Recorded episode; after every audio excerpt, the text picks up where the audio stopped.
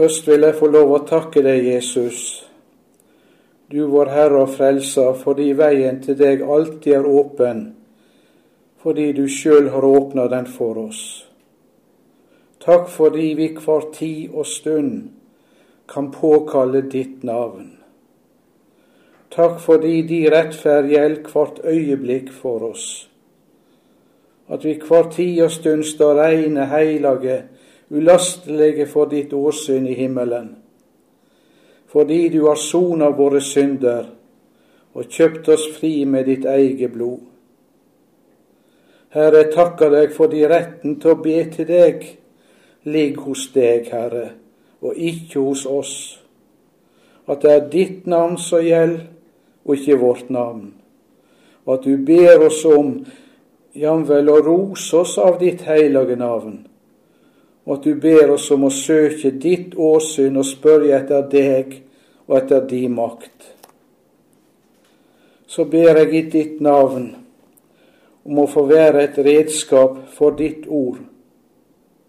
Herre, jeg ber at dette ditt ord får gå inn i mitt hjerte og hos deg som hører på her. At du, Herre, vil møte oss, hver og en av oss personlig. Amen.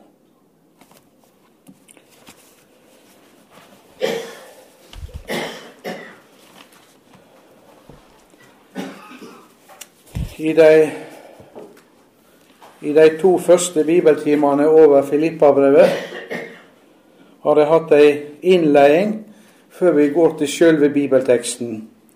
Og slik blir det i dag òg, men den skal være kort. Det avsnittet vi skal ha for oss i dag, er kapittel 2, vers 1-11. Filippabrevet 2, og nå sier jeg vers 6-11.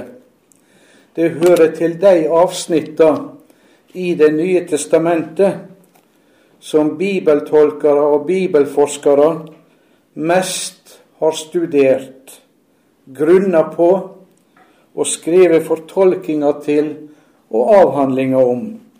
Og det å skaffe seg ei oversikt over og ta stilling til alt som er skrevet ja, bare de seneste tiåra, det er nærmest umulig. Jeg skal ikke si mer om det. Men ei sak må jeg nevne er Filippabrevet 2, vers 6-11, ei gammal truvedkjenning og eller en hymne, en lovsang om Kristus, som er eldre enn sjølve Filippabrevet, og som altså Paulus da har gjort bruk av og tatt med da han skrev dette brevet til deg i Filippi for å gjøre et stort og vanskelig emne kort og enkelt. Med et bilde kan en si at bibelforskerne har drevet ei slags arkeologisk utgraving i brevet og avdekt en tekst som kanskje er eldre enn brevet sjøl. Kanskje har dette avsnittet, vers 6-11 i kapittel 2, ei historie tilbake til 10-20 år etter Jesu død og oppståe. Kanskje dette er en av de eldste tekstene om Kristus. En veit ikke sikkert, men det ser at mange bibelomsetninger, som f.eks. Bibelen 2011, trykker Filippabrevet 2.6-11 på verselinjer som en poetisk tekst, fordi en tror at Paulus her kanskje siterer, bruker eldre stoff, ei truvedkjenning, eller kanskje helst en hymne om Kristus. Nå skrev Paulus Filippabrevet, som vi har vært inne på før, i år 61-62, da han satt i fengsel i Rom. Så så mange år eldre enn sjølve brevet er vers 6-11 jo ikke likevel. Vel, enten Paulus skriver dette sjøl, eller han bruker en eldre tekst akkurat her i brevet. Det har ikke noe å si for innholdet.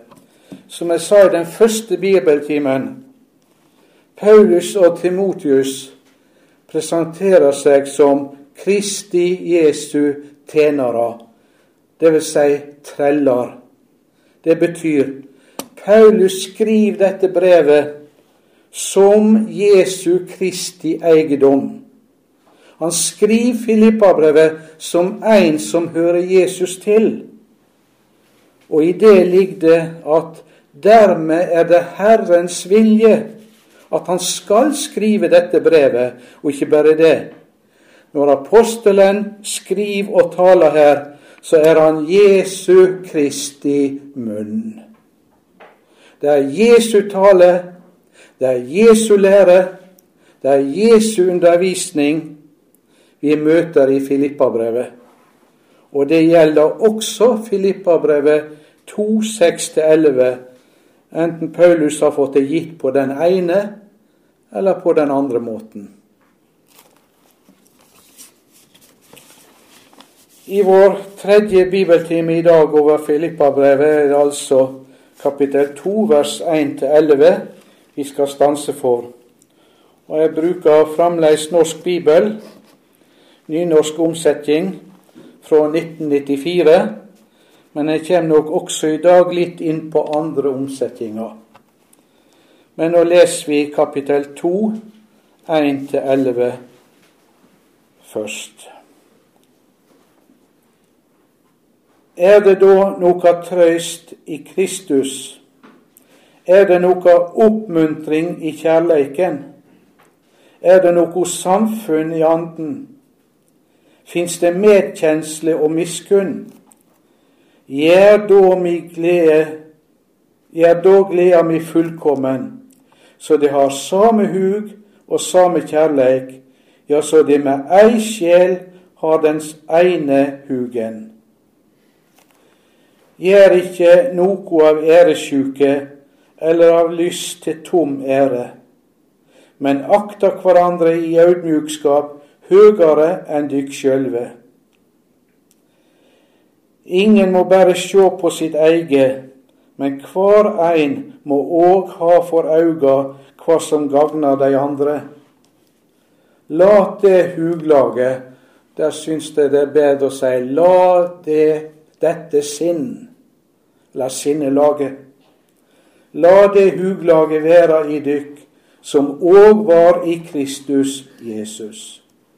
Han som, da han var i Guds skapnad eller Guds skikkelse, ikke heldt det for et røva bytte å være Gud lik, men gav avkall på det og tok en tjenerskapnad på seg, da han kom og vart menneske lik og da han i sin ferd var funnet som et menneske, fornedra han seg sjøl og vart lydig til døden, ja, døden på krossen.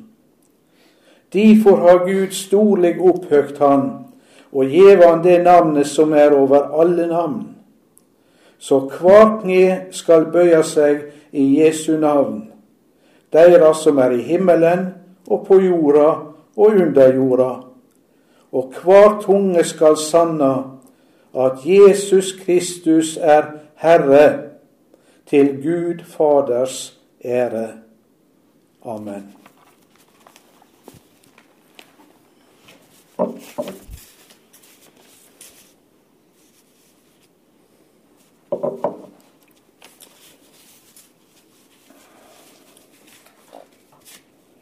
Er det da noe trøyst i Kristus, står det. Er det noe oppmuntring i kjærleiken? Er det noe samfunn i anden? Fins det medkjensle og miskunn? Vers 1 begynner med fire sideordna setninger, som alle på gresk begynner med en konjunksjon eller betingelseskonjunksjon ei som betyr hvis eller om eller dersom. Hvis det er noe trøyst i Kristus, om det er noe trøyst i Kristus, om det er noe oppmuntring i kjærleiken, osv. Ja, det er heller ikke noe verb på gresk i de setningene. Om da noe trøyst i Kristus, om noe oppmuntring i kjærleiken, om noe samfunn i anden, om noe medkjensle og miskunn, hvis vi omsetter nokså nøyaktig. Den form som grunnteksten har, betyr at det er visselig trøst i Kristus. Den trøsta er ei kjensgjerning. Den er en virkelighet. Selv om det har en slags spørsmålsform, så er det ikke uttrykk for noe usikkert. Men tvert om, dette er sikkert. Visselig. Vers 1 begynner altså med å konstatere faktum. Meninga er det er trøst i Kristus. Det er et faktum, det, at det er trøst i Kristus. Det er noe som heter oppmuntring i kjærleiken. Det er et andens samfunn det som en i dag gjerne kaller fellesskap. Jeg liker bedre ordet samfunn. Det er medfølelse og miskunn. Disse ting er kjensgjerninger som ligger for handa og er til stede for de apostelen skriver til, så vel som for han sjøl som skriver dette brevet. Og er dette til stede da, er det mulig, altså, som apostelen da formaner deg til? Er det da noe trøyst i Kristus, nemlig det er trøst i Kristus? Den ligger føre som et faktum. Det er i Jesus Kristus vi har vår trøst. Og trøst, det betyr i Guds ord at det som volder sorg, er fjerna. Her er altså det som volder sorg og bekymring når det gjelder vår synd, eller det som skulle stenge eller skille oss fra Gud, det er i Jesus tatt vekk. Det er trøst i Kristus. Det som volder sorga, det er borte. Det er et faktum. Er det noe oppmuntring i kjærleiken, oppmuntring eller det gamle bokmålsordet som de brukte i 1930-oversettelsen og 1938, husvalelse, det ble før brukt. Ja, oppmuntring, det betyr det som letter et hjerte som er tungt. Det betyr det som oppliver, det som setter nytt mot i en, det som gir nye krefter, det som verker åndelig talt i vår ånd, som det verker på vårt legeme når vi har ete. Når du har ete, får du nye krefter. Du føler deg annerledes plutselig. Du kan ha vært slapp og trøtt og kanskje nedfor, og plutselig kan du kjenne deg opplagt og frisk. Det er noe som verker slik på oss, nemlig Guds kjærleik. Gir nytt mot, nye krefter, ny styrke. Det gir oss ny frimodighet til å leve videre. Og ikke minst frimodighet til å, frimodighet til å tjene Herren. Det er en slik ting i kjærleiken. Den fins der. Gud har gitt oss den. Den er til stede. Og denne kjærleiken som det er tale om, det er den som Gud har til oss. En kjærleik som er åpenbæra i Jesus Kristus, der Gud viser oss at Han elsker oss, og at Han gir oss alt for inkje, alt for intet. Er det noe samfunn i anden? Det er noe som heter samfunn i anden. Det er noe som heter samfunn med Den hellige ande. Det betyr at vi har samfunn med den treenige Gud sjøl. Og vi har samfunn med alle de som hører Han til. Det er samfunnet av de hellige. Det er samfunnet av alle de som tror på Jesus. For alle som tror på Jesus, har, fordi de tror på Jesus, og ved at de tror på Jesus, fått Guds hellige ande i sitt hjerte. Det er ved trua at Guds ande bor i hjertet. Fins det medfølelse og miskunn eller barmhjertighet? Ja, det er medfølelse og miskunn. Det er gitt oss av Gud. Det er ting som er i det sinn som er skapt av Gud i en kristen. Medfølelse, evner til å føle med andre, evner til å lide med andre, evna til å forstå andres nød, medfølelse. Og miskunn eller barmhjertighet, det betyr evna til å ta seg av andres nød, hjelpe andre i deres nød evne til å vise andre det, det samme sinn som vi sjøl har møtt hos Jesus. Det er veldige ting som blir sagt her.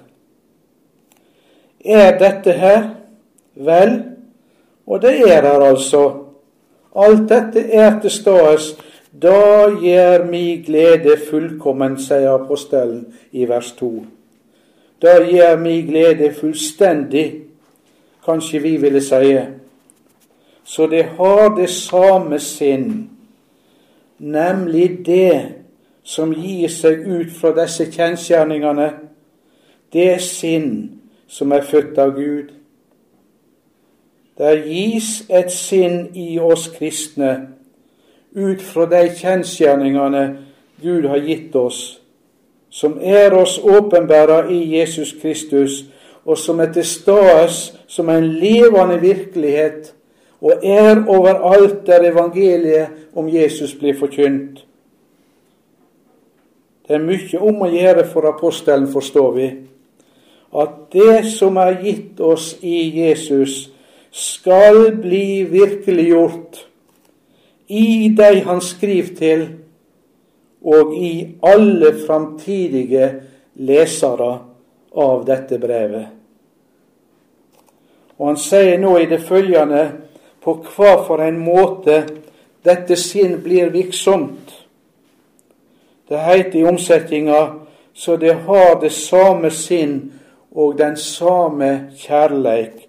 Der kunne vi like godt omsette altså så det har det samme sinn ved å ha den samme kjærleik. Den kjærleik som det er tale om, det er den kjærleik som Gud har gitt oss i Jesus, og som kjem i hjertet når vi ser på Jesus. Den som oppstår ved at Han elsker oss, og vi får se på Han, at Hans kjærlighet kommer inn i oss, som vi straks skal se litt mer på fra vers 5 av. Så de har det samme sinn. Ved å ha den samme kjærleik og med ei sjel har det ene sinn, eller og med ei sjel har det samme sinn. Det ser at Guds ord legger veldig vekt på at vi som kristne har ett sinn, ei sjel, ein kjærleik, ei ånd. Og at det er det samme sinn i alle kristne. Han forklarer det videre fra vers 5 og utover, hva det er for et sinn.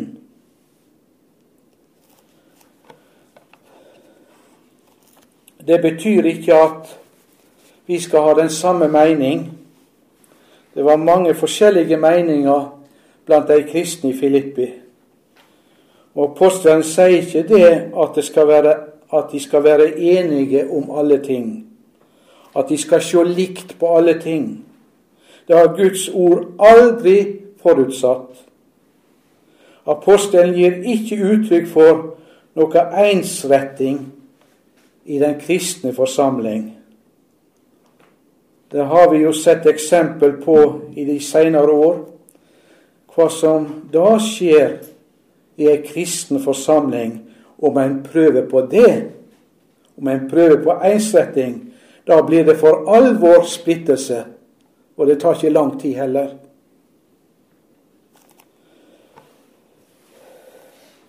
Vi kan ha forskjellige meninger, vi kan ha forskjellig oppfatning, og vi kan dels forstå Guds ord forskjellig også, og likevel ha ei sjel og ett sinn. Vi var inne på dette sist også. Det var tale om at de skulle stå faste i ei ånd, og med ei sjel skulle kjempe for trua på evangeliet. Det står i vers 27 i kapittel 1. Dette er altså svært viktig. Men det som ikke kan gjelde blant kristne mennesker, og ikke kan gjelde i ei kristen forsamling, er et annet sinn, nemlig det naturlige mennesket. Menneskelig religiøsitet, humanisme, det som ser pent ut i menneskets øyne, men som ikke er dette samme sinn, født av Gud, det gjelder ikke blant de kristne. Det virker splittende, det virker oppløsende, det ødelegger i Guds menighet. Så apostelen gir altså uttrykk for at det er ikke at det ikke skal Apostelen gir uttrykk for at det ikke skal være noe annet sinn som hersker i de han skriver til, enn det sinn som er gitt av Gud. Det er bare én kjærleik. Det er bare ett sinn som bygger i Guds menighet. Men det forutsetter som sagt ikke at alle kristne ser likt på alle ting.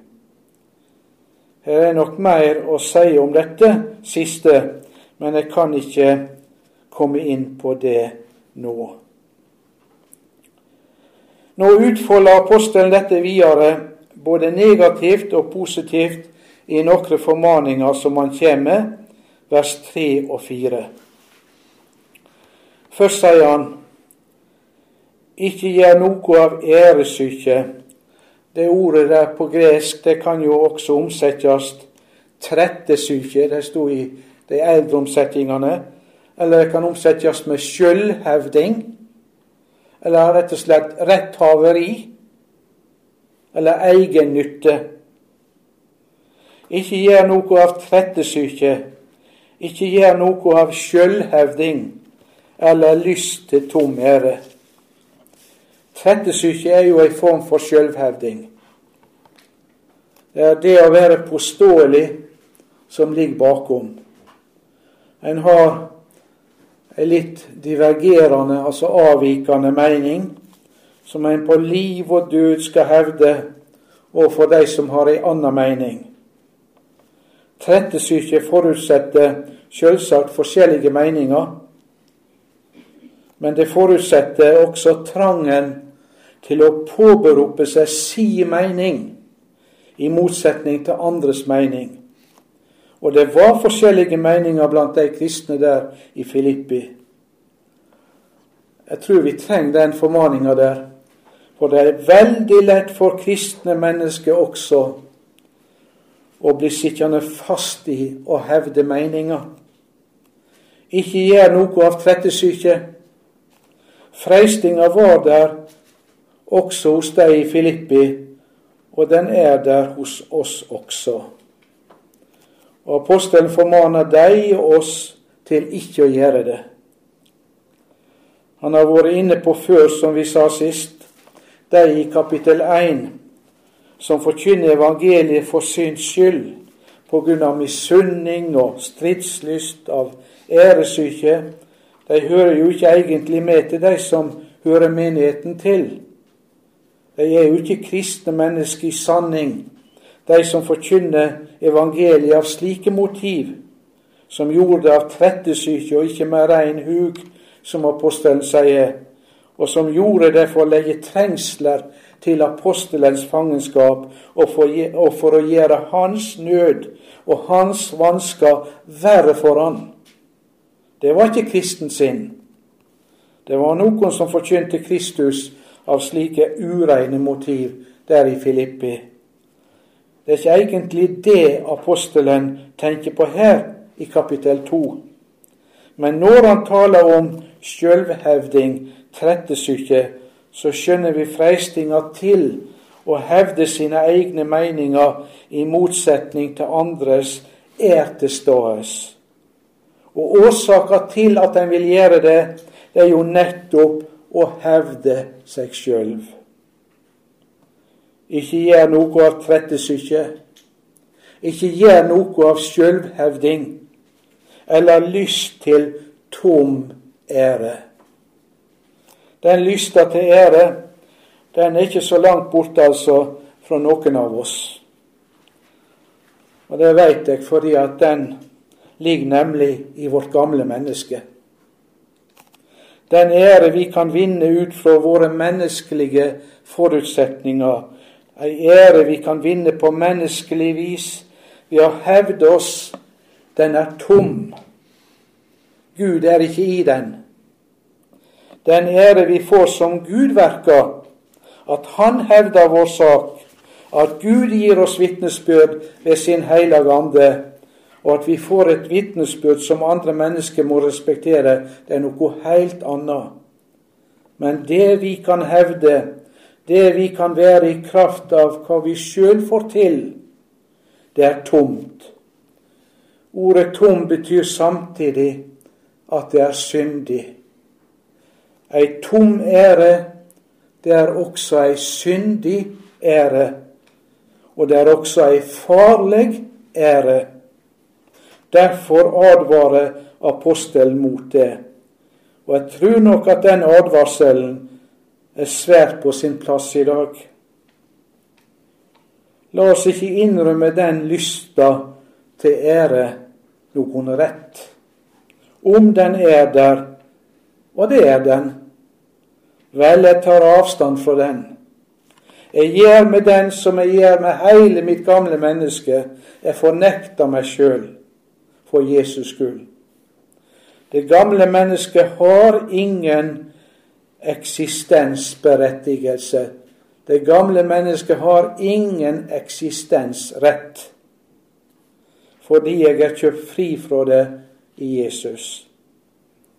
Denne æresykja som vi kan kjenne på ligger der, den har ingen rett på oss. Og så får vi huske på et ord av Jesus.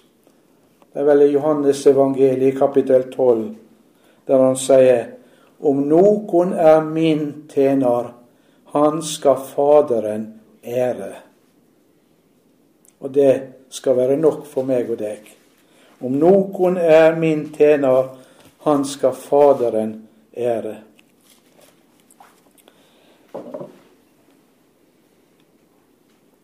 Nå vil jeg føye til litt her, eh, for jeg tror det er nødvendig. Nå kunne det hende at situasjonen er den at vi har rett, kanskje i alvorlige spørsmål overfor andre, som vi skjønner ikke har det. Og det er freistinga der at vi vil betone våre meninger veldig sterkt overfor andre. Vel, nå er det situasjoner der det er nødvendig å hevde det syn vi har. Det er jo det. Det veit vi fra andre Guds ord. Men skulle det være situasjonen, så må vi ikke gjøre det av trettesyke eller lyst til tom ære i så fall. Det må vi ikke. Men ellers så kan det hende at det er andre veier å gå enn nettopp å hevde våre meninger til forskjell fra andres, sjøl om det er vi som har rett, og de andre som ikke har det, etter Guds ord. Det kan hende, det høres underlig ut, men det kan hende vi når lengst ved at det som Gud har gitt oss, og som vi står for, og skal stå for, at det kommer best fram ved at vi ikke sier noe. Det kan hende, det. Når det er spørsmål om det, og Herren vil vi skal fram med det, så er det klart. Men i alle tilfeller så må det ikke skje av trettesyke eller lyst til tom ære. Men, står det videre i vers 3. Og dette 'men' på gresk der betyr 'men tvert imot'. Det markerer ei skarp motsetning til det som nå er sagt. Men tvert imot, men derimot, men i audmjukskap, men i ydmykhet, akter hverandre høgere enn dykk sjølve. Det å være ydmyk ble oppfatta som noe nedsettende i den gresk-romerske verden i antikken. Det gamle testamentet og Det nye testamentet, der er det å være ydmyk det samme som å ha den rette holdning overfor Gud, og dermed også for, overfor andre mennesker. Hvis en ser sant på seg sjøl, så kommer en vel til det at har jeg sett så mye synd hos noe annet menneske som jeg ser hos meg sjøl? Om jeg nå er blitt bevart fra å leve i den, og Gud har bevart meg på grunn av det miljøet jeg er kommet fra, på grunn av den heimen jeg er vokst opp i, osv. Jeg er blitt bevart fra mye vondt. Jeg er blitt bevart fra å leve et umoralsk liv og slike ting. Og det skal vi da få lov å takke Gud for. Så må jeg likevel spørre har jeg sett så mye synd hos noen som hos meg sjøl? Ta en sånn ting som sjølhevding. Lyst til å være stor. At en er egenrettferdig, og mye annet i den sammenheng. Hvordan er det med vår sanning? Hvor sannferdige er vi egentlig i vårt innerste vesen? Hvordan ser vi ut i Guds lys der? Det står i Bibelen, Salme 116, Salme 116 vers 11. Hvert menneske er en løgner. Og på hebraisk betyr det samtidig hele mennesket er løgn. Ser vi ikke dette hos oss sjøl?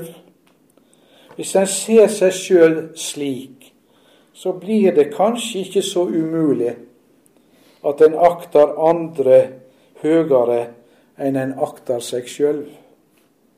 En har med Gud å gjøre, og så står en på den plassen der en er blitt plassert. Og Jesus sa ved flere anledninger den som setter seg sjøl nederst. Den som setter seg på den lågeste plassen lengst nede. Det er jo der vi hører hjemme. At vi setter oss sjøl der vi virkelig hører hjemme. Og skal vi få ei anna plassering, så må Herren ordne med det. Der kan ikke vi plassere oss, men vi må plassere oss der vi hører hjemme. Og det blir da til at vi i ydmykhet akter de andre høyere enn oss sjøl. Og ikke ser hver på sitt eget, men hver og en også på andres beste, vers 4 å hevde seg sjøl og søke sin egen sak, søke sin egen fordel, det ligger oss alle nær, ja, også som kristne. Men nå blir vi formant til ikke å se bare på det, men hver og en også på andres beste. Det er ikke sagt at vi slett ikke skal ta hensyn til det som er godt for oss og nyttig for oss, det er ikke sagt det, men det er sagt at vi også skal se på andres beste. Men sjøl om det som tjener oss, ikke er ekskludert her, så står det likevel og ikke ser hver på sitt eget, og det står først. Vi skal ikke i første rekke se på det som er best for oss sjøl, men hver og en også på det som er andres beste. Jeg veit ikke om dette er vanlig i dag blant oss kristne. Jeg er dessverre redd for at det ikke er så vanlig. Det var en situasjon som kan være en liten illustrasjon til dette. Det var i et styre eh, for en kristen skole en sted i landet. Jeg vet ikke akkurat hva det gjaldt, men det var noe de i styret hadde fått spørsmål om. Og så var det en da i skolens styre som sa at det er vel ingen som har rett til å vente at vi skal gjøre noe slikt. Og var det en annen som sa stillferdig å være en kristen er jo nettopp å gjøre det som ingen venter av oss. Det hører vel med til å være en, være en kristen, sa han, at vi skal få gjøre det som ingen venter, og ingen har rett til å vente. Og det er sant. Se bare litt i Bærpreika kapittel 5, så finner du det. Dette å se på andres beste og ta hensyn til andres beste, kanskje før vårt eget, det er ikke så alminnelig men det hører egentlig med til å være en kristen. Og det er i grunnen en virkning av det som er sagt i de første versene her, at er det noe trøyst i Kristus, er det noe oppmuntring i kjærleiken, og er det noe samfunn i anden, og er det noe medfølelse og miskunn, så skulle jo dette være naturlig. Og så kommer det i vers 5. La dette sinn være i dykk som òg var i Kristus Jesus. Det kan også omsettes, og kanskje enda bedre slik, la dette sinn råde i dykk, herske i dykk, som òg var i Kristus Jesus. Det står ikke at vi skal bli lik Jesus, og det kan vi ikke bli.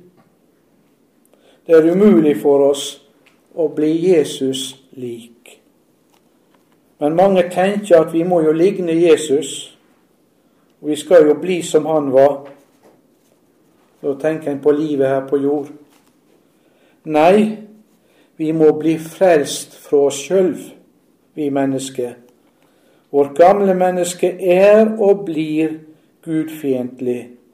Og hvis vi nå tror at dette gamle mennesket, denne vonde, syndige natur vi har, kan begynne å bli annerledes, så går det galt med oss, er jeg redd for. Guds ord sier at det er to naturer i en kristen. Og det gamle mennesket kan ikke bli godt. Gud sier til og med at vi er fiender av Han av den naturen vi fikk etter syndefallet. Vår natur er ikke Guds lov lydig og kan heller ikke være det. Egoisme kan aldri bli kjærleik. Hovmod kan ikke bli ydmykhet. Løgn kan ikke bli sanning, og urenhet kan ikke bli renhet.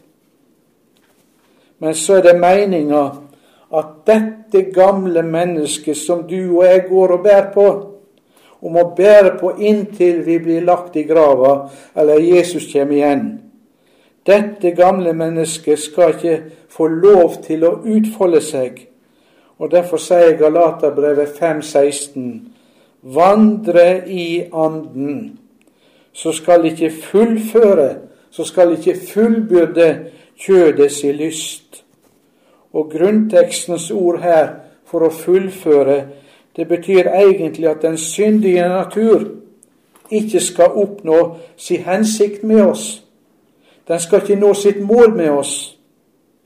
Men Jesus skal få nå sitt mål med oss. Vi har fått et nytt sinn, vi som tror på Jesus. Og det som skal sette sitt preg på oss, og som skal råde i oss, og være det bestemmende over oss, det er Jesus sjøl, ikke noe mindre enn Jesus sjøl, hans eget sinn, ved at han sjøl bor i oss. Det som Guds ord sier oss her i Filippabrevet 2,5, er altså at det ikke er vi som skal bli Jesus lik, men det er det at Jesu Kristi sinn skal bo i oss og herske i oss. Og det er klart at når Jesus sin er i oss og råder i oss, så blir vi litt annerledes. Det er helt sikkert vi blir. Og våre medmennesker kommer til å motta inntrykk av Jesus gjennom oss. Og det er jo det vi er kalla til. Også det Jesus sier i bergpreika, f.eks. når han taler om at vi er salt og lys i verden. Det betyr ikke noe annet enn at Jesus bor i oss, og at mennesket får se Han i og gjennom oss. La såleis dykkar lys skinne for mennesker, sier Jesus. Det er det at Jesus bor i oss, og at Hans ord er kommet inn i oss. Vi kommer forresten neste gang tilbake til det litt lenger ute i kapittelet her. Men det er Jesu Kristi sinn som skal få være i oss og råde over oss og bestemme over oss. Ja, hvordan går det til, da? Det går til ved å se på Jesus, det. Det går til ganske enkelt ved at vi lever i det som Jesus har gjort, og lever i det som Jesus har fullbrakt. Jeg skal si litt mer om det helt til slutt i dag. Men nå kommer vi da til vers 6-11. Og her blir det sinn som er i Jesus, det blir nå beskrevet for oss i vers 6-11.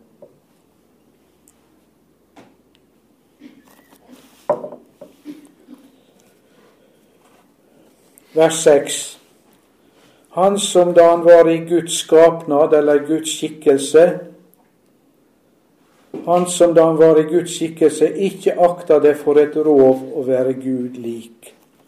Altså, det var ikke noe tilsniking ved han når han var Gud lik, for han var Gud. Han er Gud, og han var i Guds skikkelse. Og så står det i vers 7 at han av seg sjøl, dvs. Si frivillig, gav avkall på det.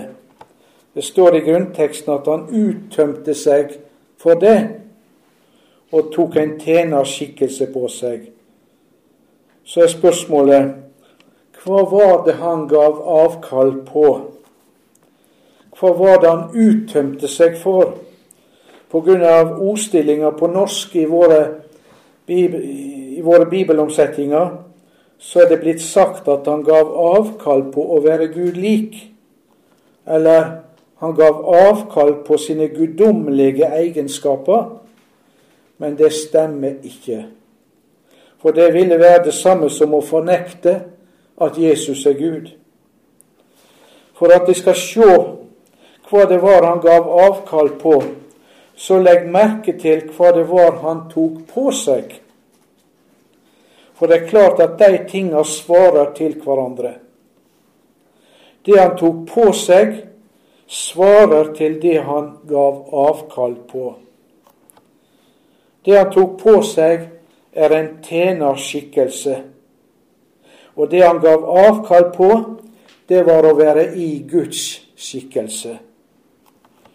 Uttrykket av seg sjøl uttømte seg for. På gresk står det 'heavton ekenosen'. Og derav ordet kenose og kenoselære.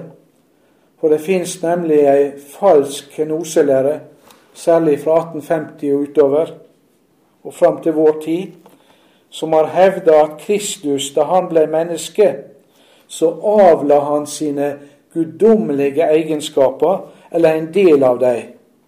Og da tenker en særlig på hans allmakt og det at han var allvitende når han gikk her på jord. Det er ei alvorlig villfaring, men jeg skal ikke komme mer inn akkurat på den læra nå. Men nøyaktig så står det han uttømte seg for å være i Guds skikkelse ved å ta på seg en tjenerskikkelse. Og merk nå hva jeg sier.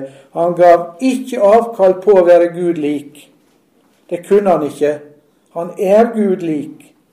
Og Guds sønn gav ikke avkall på sine guddommelige egenskaper ved å bli menneske. En kan ikke avlegge egenskaper. Det er umulig. Jesus er Gud også som menneske. Og Guds sønn har som menneske alle guddommelige egenskaper.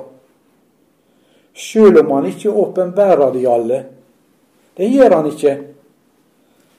Det er riktig når tidligere professor Sigurd Odland i en kommentar ut fra dette ordet sier at han let dei forbli i en skjult og hvilende tilstand for en stor del. Det er riktig. Det er noe som er skjult under Jesu jordliv. Det er noe som han har gitt avkall på. Han gav avkall på å være i Guds skikkelse ved å ta på seg en tjenerskikkelse. Og ved å ta på seg en tjenerskikkelse, det skjer igjen ved at han kom og ble menneskelik, står det. Det betyr at han blir et virkelig menneske som du og jeg, men uten synd. Han blir ikke syndig menneske. Og for å få fram at han blir et virkelig menneske, men ikke syndig menneske, så heter det at han kom og ble menneskelik. I den eldre bokmålsoversettelsen sto det han kom i menneskers lignelse. Ved å bli menneske blir han altså en Herrens tjener. Og på den måten blir det oppfylt som står hos profeten om Herrens tjener. Han var forakta av mennesket. Han hadde ikke en skikkelse som en kunne ha lyst til han. Vi så han, men vi akta han forslått av Gud, plaga og gjort elendig. Men han er såra for våre brudd, overtredelser, knust for våre misgjerninger. Straffa lå på han for at vi skulle ha fred, og ved hans sår har vi fått lekedom. Det er slik han kjem og De hører at det var fra Jesaja 53. Han gir altså avkall på å være i Guds skikkelse, og nærmere bestemt Guds herligdoms skikkelse etter lova. Jeg skal gjenta det. Han gav avkall på Guds herligdoms skikkelse etter lova, for å si det på den måten. Dommerskikkelsen. Gud sender ikke sin sønn til verden for å dømme verden, står det i Johannes 3. Den helligdom som Guds sønn gir avkall på, det er den herligdom som vi skal se en dag når han kommer igjen, i guddommelig majestet. Når menneskesonen kommer igjen, da kommer han for å dømme levende og døde. Og da kommer han med kraft og stor herligdom og med alle sine engler. Og da skal alle folkeslag stilles for hans trone, sier Guds ord. Den herligdom har han ikke under sitt jordliv. Den har han uttemt seg for. Og derfor kan f.eks. Jesus si når det gjelder dagen og timen for når dette skal skje, at han kommer igjen, det veit han ikke. Men merk at det var under hans jordeliv. Han sier det. Da veit han ikke dagen og timen. Det har han avlagt fordi han kom som frelser. Første gangen han kjem, så kommer han i tjeners skikkelse, som det heter hos profeten Zakaria. Han kommer saktmodig. Han kommer ridende på trelldyrets fole. Det er symbolsk. Han kommer som den som skal bære byrder, våre byrder, og særlig den tyngste og største av dem, vår synd. Slik kom han til vår jord. Likevel er det en herligdom Guds sønn åpenbærer under sitt jordeliv. Det står i Johannesevangeliet, det første kapittel, vi så Hans herligdom. Ordet ble kjøtt og tok bostad iblant oss. Altså Gud blir menneske, og vi så Hans herligdom, en herligdom som den en enbåren sønn har fra sin far. Og Derfor spørsmålet vi stilte i stad, så viktig. Hva er det for en herligdom han altså gir avkall på? Og hva er det for en herligdom han åpenbærer under sitt jordeliv? Og den beste måten å svare på er egentlig den. Han gir avkall på sin herligdom etter lova som vi nettopp var inne på. Og så åpenbærer han sin herligdom etter evangeliet. Han åpenbærer Guds frelsende kjærleik, sin herligdom, under sitt jordeliv. Og det er i sanning en herligdom vi får sjå. Etter kjærleiken, der møter vi Hans herligdom, og da er Han allmektig, da er Han allvitende. Men når de spør når kommer du igjen, dag og time kjenner kun Faderen, ikke engang Sønnen. Fordi han kom første gang for å være vår frelser. Når det gjelder å hjelpe og trøste, når det gjelder å ta seg av mennesker i nød, i vansker, og frelse mennesker fra deres synder osv., da åpenbærer Jesus ofte sin herligdom og sin guddomsmakt mens han går her på jord. Men han er ikke kommet for å dømme. Derfor veit han ikke dagen og timen for når det skal skje. Det står om Jesus ved bryllupet i Kana, da han hadde gjort sitt første under. Så står det i Johannesevangeliet 2,11.: Dette sitt første tegn gjorde Jesus i Kana i Galilea og åpenbæra sin herligdom, og hans disipler trodde på ham. Det er en herligdom som blir åpenbæra for oss i Jesus, og det er den han fornedrer seg sjøl.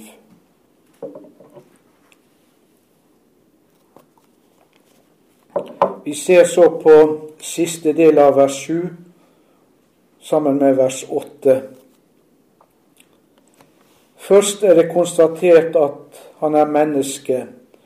Da han i sin ferd var funnet som et menneske. Han måtte altså leve sitt liv som et menneske som oss. Skulle prøves i alle ting som oss.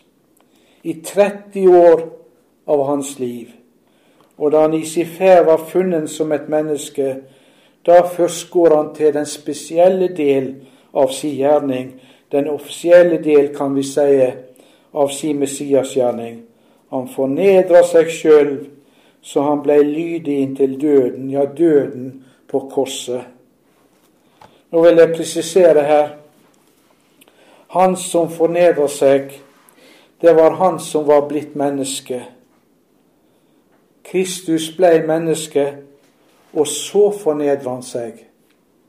Han er jo også menneske i dag, i opphøyelsen.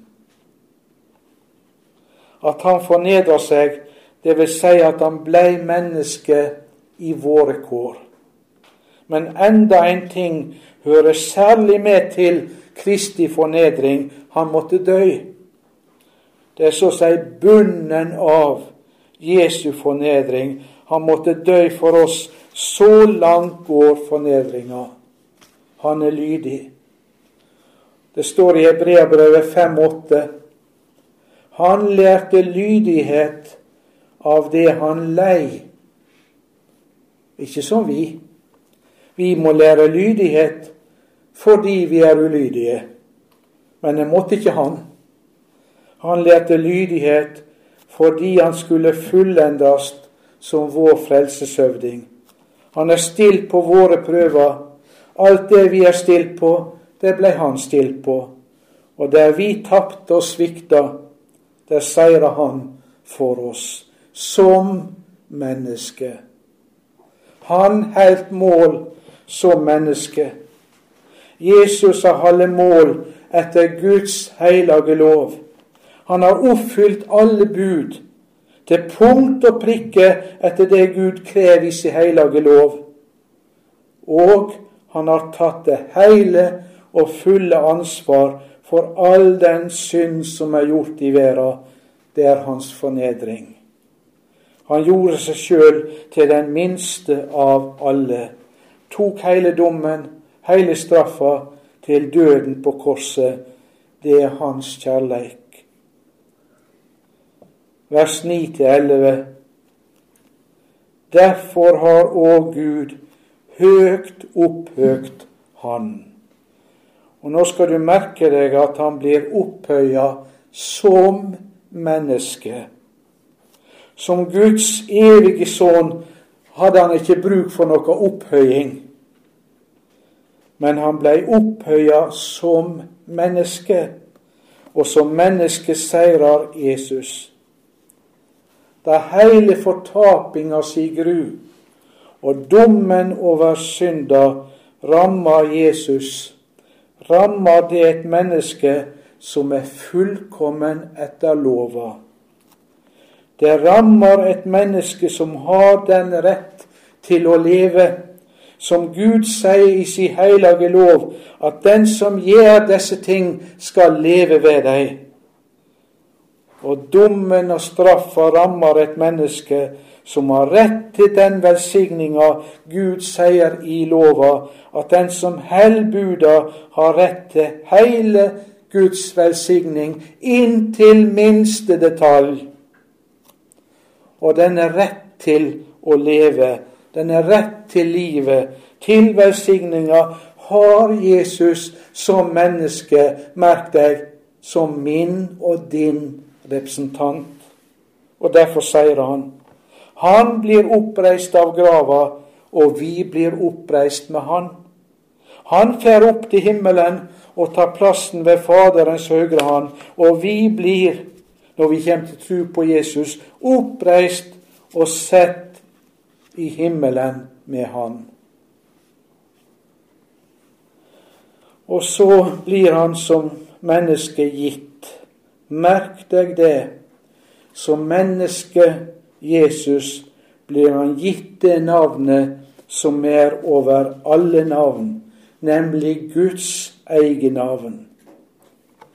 Det er navnet JHVH, omsett i våre bibler med Herren. Det som en før uttalte Jehova, eller som mange teologer nå uttaler Javé. Vi veit ikke hvordan det skal uttales. Da jeg tok hebraisk for en del år tilbake, så gjorde alle på vår gruppe det slik at hver gang vi skulle lese og møtte på dette navnet JHVH, fire konsonanter Når vi møtte på det navnet, så gjorde vi som jødene gjorde. Vi sa Adonai. Og i våre bibler er det omsett med Herren. Jesus har som menneske fått dette navnet, Guds navn. Det tilkjem Han som den som har seira som menneske for oss, slik at i Jesu navn så skal hvert kne bøye seg. Det kjem en dag. Jesus kjem igjen. Da skal hvert kne bøye seg, deira som er i himmelen, på jorda og under jorda, alle som har levd, alle som ein. De skal bekjenne det er Jesus Kristus som er Herren, til Gud Faders ære. Herre skal egentlig stå i bestemt form Herren. Alle skal bekjenne at Jesus Kristus er Herren, dvs. Si det er Han som er Gud Han som vi tror på. Det nye testamentet taler mye om at Jesus er Herren, og det har et veldig innhold. Og Nå har jeg lyst til å gi et lite glimt av det. Se første Korinterbrev, kapittel 12 og vers 3. Siste del av vers 3. Første Korinterbrev 12.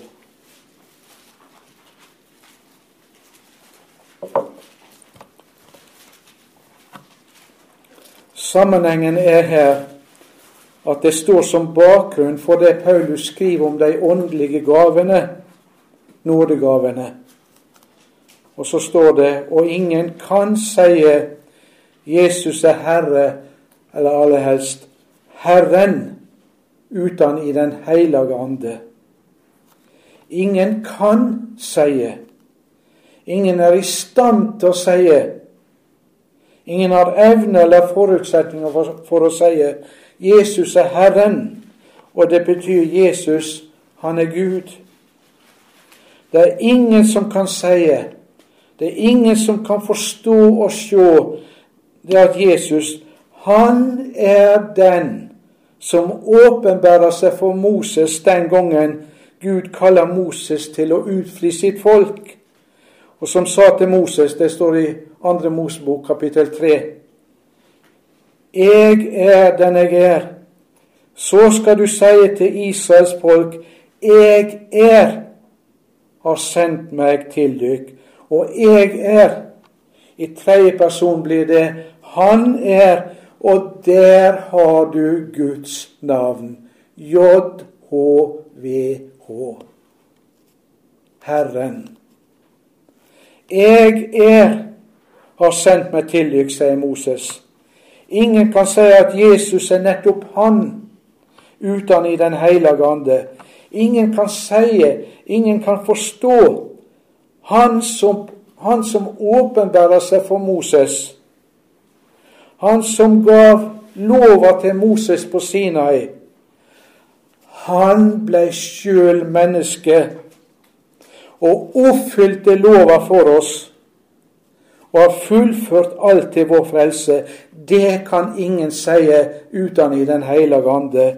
Lovgiveren blir lovoppfyller og oppfyller den lova som han sjøl har gitt, og som vi har brutt. Og det lyder jo allerede i juleevangeliet. I dag er det født dykk en frelser i Davids by. Og hva står det om han?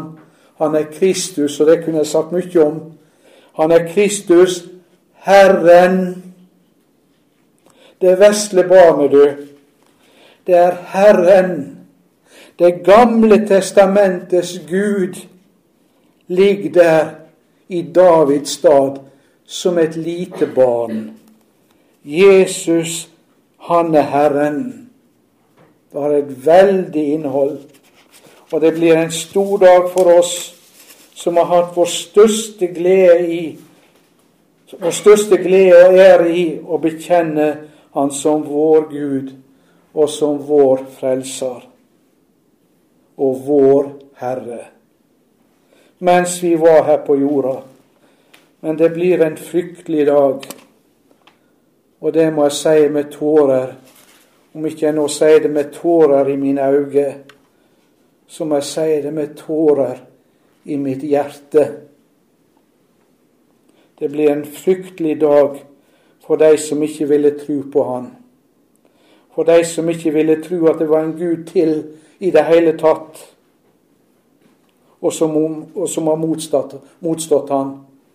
For når Jesus kommer igjen, da skal menneskeslekta for første gang og for seint innsjå at det var Bibelen og de kristne som hadde rett. Alle mennesker uten unntak skal en dag bekjenne det er Jesus Kristus, Han som fornedrer seg sjøl. Det er Han som er Herren. Og da kommer Han igjen med hele sin herligdom. Mer skal vi ikke si om det. Jeg vil bare her mot slutten presisere igjen det som vi var inne på i vers 5, at dette sinn, Han som gav seg sjøl for oss, Han som forløste oss fra våre synder, Han som er sjølve kjærleiken, det er dette sinn som Han lar være i oss ved sjøl å bu i vårt hjerte ved trua. Det var dette sinn som skulle råde i oss. Og det står i Romabrevet 13, 14, det er det siste verset i Romabrevet 13. Kle dykk i Herren Jesus Kristus. Er ikke det underlig? Det er sagt om vårt liv som kristne, om helliggjørelsen. Kle dykk i Herren Jesus Kristus. Det gjelder å ta dette sinnet i bruk. Du kan ikke føle at du har det. Du kan ikke se inn i ditt eget hjerte og se etter om du har det. Hvis du ser på deg sjøl, så ser du deg sjøl. Det vil si, da ser du bare det gamle mennesket. Og når du står oppe i en akutt situasjon, du kjenner det gamle mennesket gjør seg gjeldende, så kan du ikke vente på at dette sinn skal komme. Men jeg skal gi deg et godt råd. Bruk dette sinn, så er det der. I det øyeblikk du bruker det, så er det der. I det øyeblikk du vil ta det i bruk, så oppdager du du har det. Og det er dette apostelen tar sikte på når han sier 'la dette sinn'. Vi skal slippe det til. La dette sinn råde i dykk, som òg var i Kristus Jesus. Og det blir godt blant kristne mennesker der dette blir praktisert. Vi skal aldri som kristne så skal vi aldri møte våre medmennesker med det gamle mennesket. Du veit det gamle mennesket reagerer alltid først. Hvis noe går deg imot, hvis du blir gjenstand for urettferdig behandling, gjenstand for ei urettferdig anklage, det blir sagt noe om deg som ikke er sant, f.eks. Å, da reagerer, det, da reagerer det gamle mennesket noe voldsomt dette her kan jeg ikke ha sittende på meg. Ikke gjør noe. Vent. La det, la det nye mennesket få slippe til. Hans Nilsen Hauge han sier jo det den gangen han hadde tatt inn på en fjellgard på ei reise over til Valdres. Han var blitt overraska av uvær, måtte søke ly på en fjellgard, og sa til bords og bonden spurte hvem han var. At han var Hans Nilsen fra Tune. Og det gikk opp for bonden at det var han som preika da. Du er vel ikke han som preikar? Og så blei bonden sint og sa han ville før huset hunder enn å ha slik pakk som Hauge i huset. Han fikk sjå til å ha seg ut, og det litt fort. Da forteller Hauge jeg kjente hvordan raseriet steig opp inni meg, sa han. Men jeg let være å bruke det, og væpna meg i stedet med Jesu Kristi sinn. Slik forteller Hauge det. Bonden fortalte at Hauge reiste seg langsomt fra bordet, gikk bort til slagbenken og tok kappa si, tok den på og knappa den langsomt mens han så på meg med et mildt blikk og sa:" I sådanne tilfelle er det godt at være væpnet med Kristi sinn. Så sa han pent adjø og gikk. Han var ikke kommet langt ned i bakken før bonden ropte han opp igjen og sa:" Be til Gud for meg at jeg må bli frelst. Og bonden blei frelst og blei en av Hauge sine beste venner. Og det er grunnen til at vi veit dette her. Men la oss tenke oss hvis når Hauge hadde blitt sint og tatt igjen, nå. så hadde vel bonden sagt ja, det er det jeg visste, de er akkurat som oss. Vi ser det mange ganger hvor lite det skal til, og dessverre også i kristne sammenhenger. Og en merker her er det gamle mennesket løs. Vi har virkelig bruk for dette ordet. La dette sinn være i dykk, som òg var i Kristus Jesus. Og dette er veien til å seire over det gamle mennesket, så ikke det skal ha den avgjørende makt og innflytelse over oss. I gamle dager så brukte de et, bilde. Hvis du slåss med feieren, så kan du ikke unngå å bli svart og stygg. Det bildet passer gjerne ikke så godt lenger.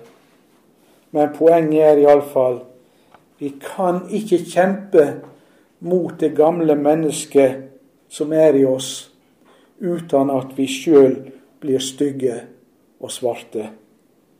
Men vi seirer over dette gamle mennesket ved å la dette sinn, Jesu Kristi sinn, være i oss, og ta det i bruk.